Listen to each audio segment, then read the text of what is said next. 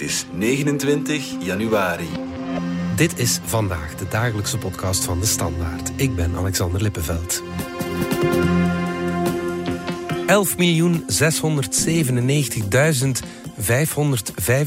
11.697.575 mensen woonden op 1 januari vorig jaar in België. En elk jaar komen er mensen bij. Niet door het hoge aantal geboortes, wel door migratie. En laat dat nu net een van de politieke thema's van het moment zijn. Ons land zit volgens sommige partijen vol. Wat zeggen de cijfers daarover? En voeren we wel de juiste discussie?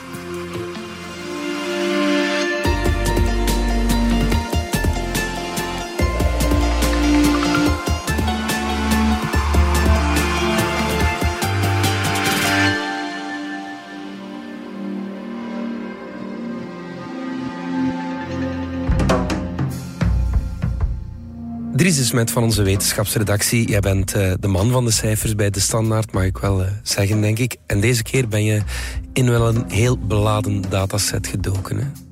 Ja, dat mag je wel zeggen. Mm -hmm. uh, ja, ik ben op zoek gegaan naar cijfers over migratie. Mm -hmm. En dat is inderdaad een beladen debat, omdat dat vaak vanuit de buik gevoerd wordt, dat debat. Uh, ja, het wordt vaak op de spits gedreven met wat loze kreten. Het gaat vaak om angstgevoelens, maar misschien soms ook racistische gevoelens tegenover ja. migranten die naar hier komen. Mm -hmm. Maar wat je eigenlijk zelden krijgt, is een nuchter debat over ja, de cijfers, over wat willen we nu eigenlijk met migratie. En ook die vraag durven stellen, zou meer of minder migratie nu eigenlijk goed zijn voor ons land, bekeken ja. vanuit al zijn facetten.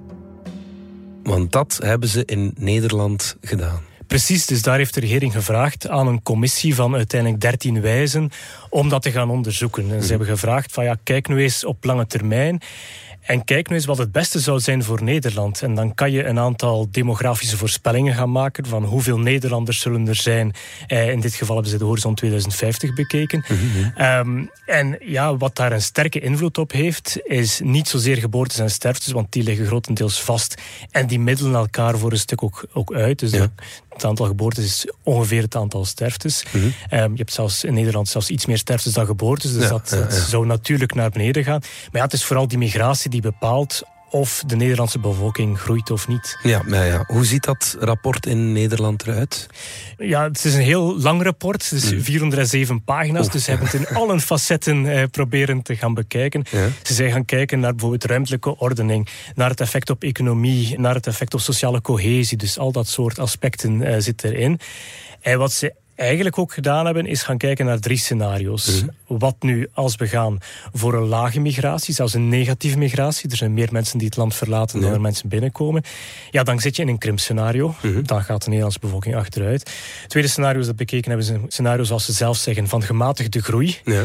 waar je wel nog een toename hebt van de migratie en dus ook van de bevolking. Ja waar dan van het huidige aantal 17 miljoen, nu in Nederland bijna 18 miljoen, dus dit jaar gaan ze naar 18 miljoen, zodat dan gaan naar 19 à 20 miljoen mm-hmm. op die horizon opnieuw van 2050. Ja. En dan heb je het derde scenario van een hoge groei, um, waarbij ze in die periode naar 23 miljoen zouden gaan, 22 à 23 miljoen. Dus ook een periode met hoge migratie. Ja, ja, ja oké. Okay. Heeft die commissie ook een bepaalde aanbeveling gedaan? Of, uh... Ja, het rapport is relatief gematigd. Want mm-hmm. daarin ja, trekken ze wel conclusies. Zeggen ze, we moeten eigenlijk gaan voor dat scenario van gematigde groei. Ja. Maar als je dan hoort hoe ze dat dan vertaald hebben naar de politiek, ook in een persconferentie, ja, dan waren ze wel behoorlijk stellig. In de ja. zin dat ze zeggen, kijk, dan moet je als politiek een bandbreedte gaan kiezen voor toekomstige migratie. Dan hebben ze het over netto-migratie. Dus hoeveel mensen komen er finaal, als je de rekening maakt, het land binnen. En als je dan degene die wegtrekken opnieuw ja. gaan aftrekt. Dus die, die netto-migratie. Dan zeggen ze, kijk, dan moet je gaan voor 40 à 60.000 netto instroom. Ja. Wat een pak minder is dan de huidige instroom die rond 70 à 90.000 ligt. Mm-hmm. En dan zei de voorzitter van de commissie ook letterlijk, ja, politici, je moet daarmee aan de slag gaan. Dat zal Geert Wilders graag horen. Ja, in die zin is, is, het wel, ja, is, is de timing van het rapport wel opmerkelijk. Feit, het was niet zo getimed dat het nu tijdens de regeringsonderhandelingen aan bod zou komen. Mm-hmm. Maar het is inderdaad zo dat de partijen die in Nederland de verkiezingen gewonnen hebben, waaronder die van Geert Wilders, ja, al de partijen die nu regering aan het vormen zijn, zijn eigenlijk voorstander van een beperking op migratie. Ja. En dus in die zin is dat rapport wel koren op de molen voor alle partijen die nu een regering willen vormen. Ja, absoluut. Goed, bij ons gaat het natuurlijk ook heel vaak over migratie. We luisteren even naar een eh, kleine compilatie. Egbert Lagaard van Open VLD. Eigenlijk zitten wij wel een beetje op een punt, vol is vol. Tom van Krieken van Vlaams Belang. Er voltrekt zich een heuse omvolking. En beste vrienden, beste journalisten in de zaal, dat is helemaal geen theorie of één groot duister plan. Dat is de keiharde realiteit en het resultaat van decennia lang ongecontroleerde massa-immigratie. En Theo Franken van NVA. Ons standpunt is legale migratie ja op voorwaarden. Maar illegale migratie, dat is het probleem. En daar moeten we dingen voor vinden, zoals bijvoorbeeld fysieke barrières en zo verder. Dat moeten we aanpakken. Dat is het grote verschil. Dries, het is bij ons ook wel het hangijzer van het moment, denk ik. Hè?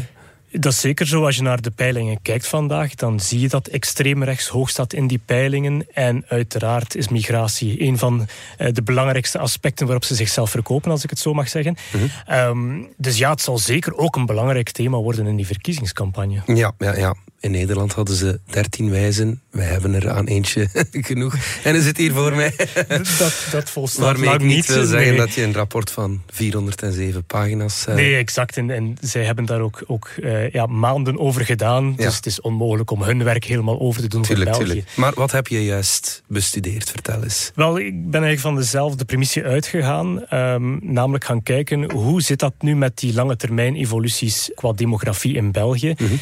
En ook daar kan je dan verschillende scenario's gaan bekijken. Dus er zijn ook onder andere het CEPAM, een Europese instantie, is gaan kijken naar ja, wat is nu die bevolkingsgroei afhankelijk van het aantal migranten? Want ja. ook bij ons is het zo dat migratie in sterke mate bepaalt waar onze bevolking op lange termijn naartoe gaat. Mm -hmm. Omdat je hier ook ziet dat de natuurlijke aangroei, dus het verschil tussen geboortes en sterftes, ook zeer klein is. Dus het aantal geboortes benadert het aantal sterftes, is nog iets hoger dan het aantal sterftes. Op lange termijn zie je dat dat zou omgekeerd zijn, dus dat we minder geboortes hebben dan het aantal sterftes, dan krijg je een natuurlijke krimp. En dus is het vooral de hoeveelheid migratie die bepaalt naar waar onze bevolking naartoe gaat. Laat ons die scenario's eens uh, bekijken. Om te beginnen die migratiestop, wat Vlaams Belang al een tijdje uh, belooft als ze aan de macht zouden komen, los van de haalbaarheid. Wat zou dat betekenen voor de bevolking? Ja, zou betekenen dat je relatief snel naar een krimpende bevolking gaat. Dat wil zeggen dat je volgend decennium, dus in de jaren 30 van deze eeuw, al zou gaan naar een piek en dus vervolgens een krimp. En dus daarna neemt de bevolking af. En dat zou betekenen, als je op heel lange termijn gaat gaan kijken, over een periode van 50 jaar, dat je dan met 1 miljoen minder Belgen zou zitten als vandaag. Oké, okay, ja, ja. En dus, dus ook ja. op dat moment een zeer sterk vergrijzende bevolking. Ja, ja inderdaad. Je hebt ook die groeiscenario's. Mm -hmm. Wat voorspellen die? Wel, een scenario, zowel dat van CEPAM als het planbureau, dat voor België de demografische voorspellingen maakt, zegt, als we uitgaan van wat we vandaag weten over migratie en over geboorte en, en alles wat daarbij komt kijken, dan gaan we over opnieuw een periode van 50 jaar naar een bevolking van ongeveer 13 miljoen. Dat is ongeveer ja. anderhalf miljoen extra ten opzichte van vandaag. Ja. En, en die dan, sterke groei? Ja. ja, dan heb je dat scenario ook nog van sterke groei.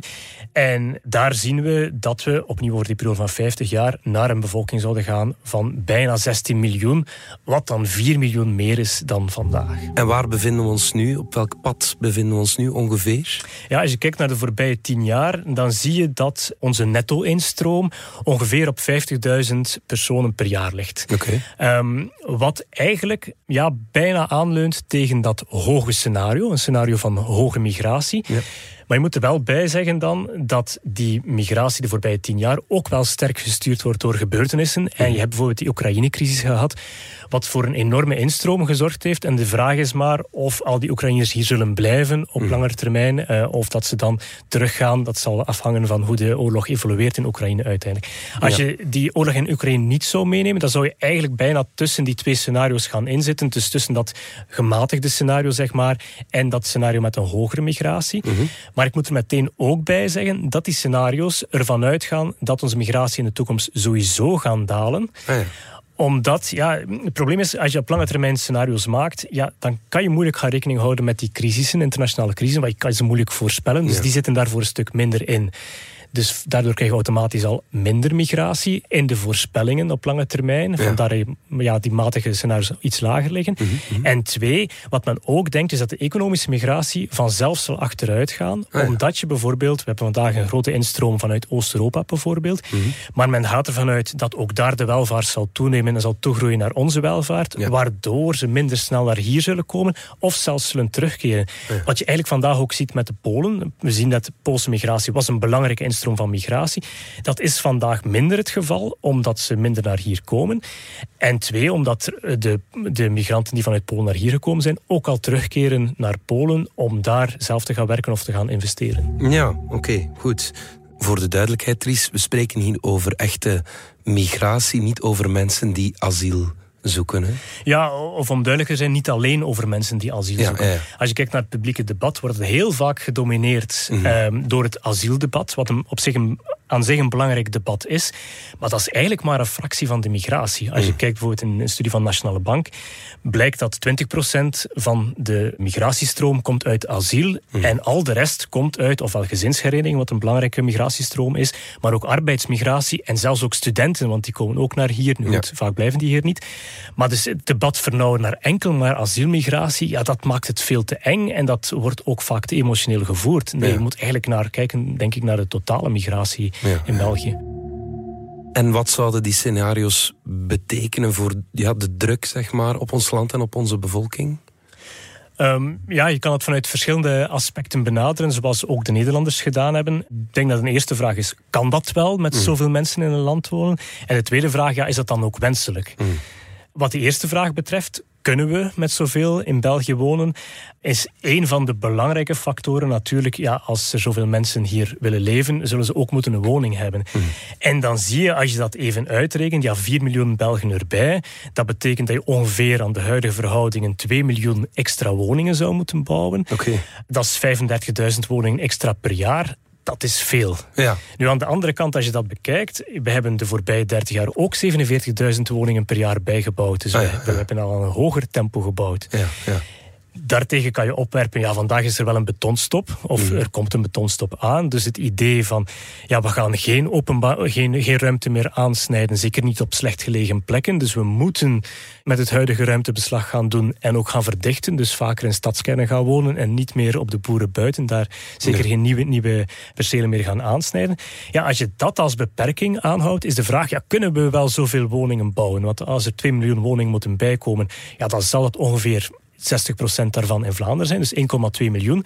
En dan kan je de vraag stellen, kan dat wel? Ja. Nu, het interessante is dat uh, er vanuit Vlaanderen al dergelijke berekeningen gemaakt zijn. Dus stel nu dat we ons houden aan die betonstop en inderdaad een restrictief scenario en zeggen die percelen ja, die weliswaar ingekleurd staan als woongebied, maar die mhm. eigenlijk slecht liggen. We gaan die niet meer gaan gebruiken. Mhm. Hoeveel woningen kunnen we dan bij gaan creëren? En mhm. dan zit je ongeveer in een ordegrootte van 600.000 à 700.000 woningen. Wat best veel is. Hè? Ja. Betekent wel dat we en compacter gaan moeten wonen en uh, gaan moeten verdichten. Dat is zo. En als je aan die 1,2 miljoen wil gaan komen, ja, dat betekent dat je al zeker het huidige woonbeleid, waarbij de Vlaming toch graag op een eigen perceel woont, een vrijstaande villa gaat gaan wonen, ja, dat we dat niet zullen kunnen voortzetten zoals dat vandaag al doen. ja. Ehm, ja, je zou kunnen zeggen, ja, met die betonstap, ja, dan kunnen we nooit aan die 1,2 miljoen woningen komen die dan nodig zouden zijn in dat extreme scenario, zeg maar, van die 16 miljoen. Maar het is ook wel zo dat we vandaag groot wonen. Dus je ziet, als je kijkt naar de cijfers van Eurostat, die geven aan een derde van de Belgen. Ja, die woont vandaag in een woning die eigenlijk te groot is. Mhm. Wat de Nederlanders dan zeggen, dat is dan scheef wonen, mhm. met, met een mooi woord. Ja. Ehm, en het is ook zo dat ja, een aantal woningen onderbenut worden. In die zin ongeveer 400.000 woningen in, in Vlaanderen die zijn ingetekend als wooneenheid, maar daar heeft niemand zijn domicilie. Dat zijn voor een stuk kotstudenten, dus die ga je... Ja, die, die, die zijn dat wel, zijn nuttige woningen voilà, Die zijn wel degelijk bewoond, maar je hebt ook tweede woningen en woningen die leeg staan. Dus er is wel nog wat ruimte, ook in het huidige bestand, om eventueel ook meer mensen te laten wonen. Dus Vlaanderen is nog niet vol, dat is de boodschap. Nee, maar dat, dat is natuurlijk enkel bekeken vanuit dat aspect woningen. Ja. Maar ja, er komt natuurlijk ook wel veel meer bij kijken. Het gaat niet enkel over wonen, het gaat over mobiliteit. En je kan zeggen, ja, ons land staat nu al stil. Ja. Er is ook een, een, waterschaarste. Vlaanderen is een van de regio's met een grote uh, potentiële waterschaarste. Dus ja, dat zal je ook moeten oplossen. Je hebt ook voeding nodig, die zal misschien van elders moeten komen. Je hebt ook een ruimtegebruik. Ja, dat conflicteert met natuur. Denk Mm. aan het hele stikstofdebat. Ja, dat komt natuurlijk ook voort. En dat is niet toevallig bij ons, maar ook in Nederland, omdat er al zo'n hoge druk is. Mhm. Dus ja, dat zijn ook allemaal aspecten waar we rekening zullen moeten houden eh, als we die oefening gaan maken. Ja, met hoeveel kunnen we hier wonen? Ja, ja, ja. Nu aan de andere kant, om nog even advocaat van de duivel te spelen, zelfs met 16 miljoen, zou onze bevolkingsdichtheid in heel België nog onder die van Nederland vandaag liggen. Dus het hangt allemaal af van hoe je het maar bekijkt. Maar dat het uitdagingen vraagt om met zoveel op zo'n plek te wonen, dat is evident. Ja, ja, natuurlijk. Straks gaan we door op de vraag of we ja, dat allemaal wel willen. Maar eerst gaan we er even uit voor reclame.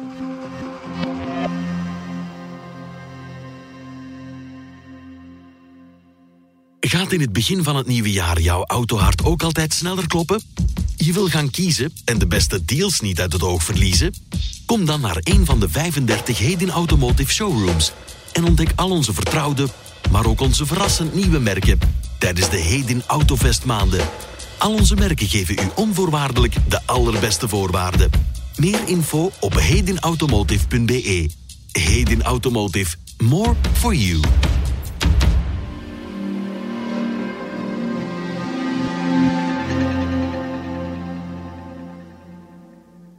Dries, terug naar jou dan. We zeiden al wat ons land nog aan kan. Daar blijkt uit dat er op woningvlak toch nog eh, wat marge is om meer mensen met een migratieachtergrond hier te laten wonen. Maar de vraag is of we dat als maatschappij wel willen, want daar is wel heel veel discussie over natuurlijk. Ja, en dat is uiteraard een zeer belangrijke vraag. En ik denk dat het antwoord daar bestaat uit twee factoren. Eén, als we meer migratie toelaten, ja, wat betekent dat voor onze welvaart? Zullen we daardoor welvarender worden? Of net andersom? Zal, zal het ons net, net, net geld kosten? Zal het voor een slechtere economie zorgen en ook meer druk zetten op de overheidsfinanciën? Dat is één aspect. En het tweede aspect is ook cultureel.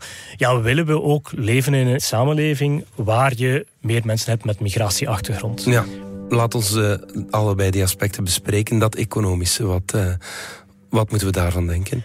Ja, interessant daar is dat in 2020 is een studie geweest van Nationale Bank. En zij zijn toen op vraag van de toenmalige regering gaan kijken... wat is het effect van migratie op de economie? En dan zie je eigenlijk dat grosso modo een migrant een positieve bijdrage heeft aan de economie. Ja. En dat is op zich ja, niet zo verwonderlijk. In die zin dat migranten vaak jonger zijn dan de zeg maar, autochtone bevolking of de bevolking die er al is in België. Die vaker dus op arbeidsmarktleeftijd zijn. En dus in principe ook vaker kunnen werken en bijdragen aan de economie. Ja. Daartegenover staat wel ja, dat migranten vaak een lagere participatie aan de arbeidsmarkt hebben. Ze werken minder. Ze werken vaak ook aan lagere lonen dan de bevolking die er al is.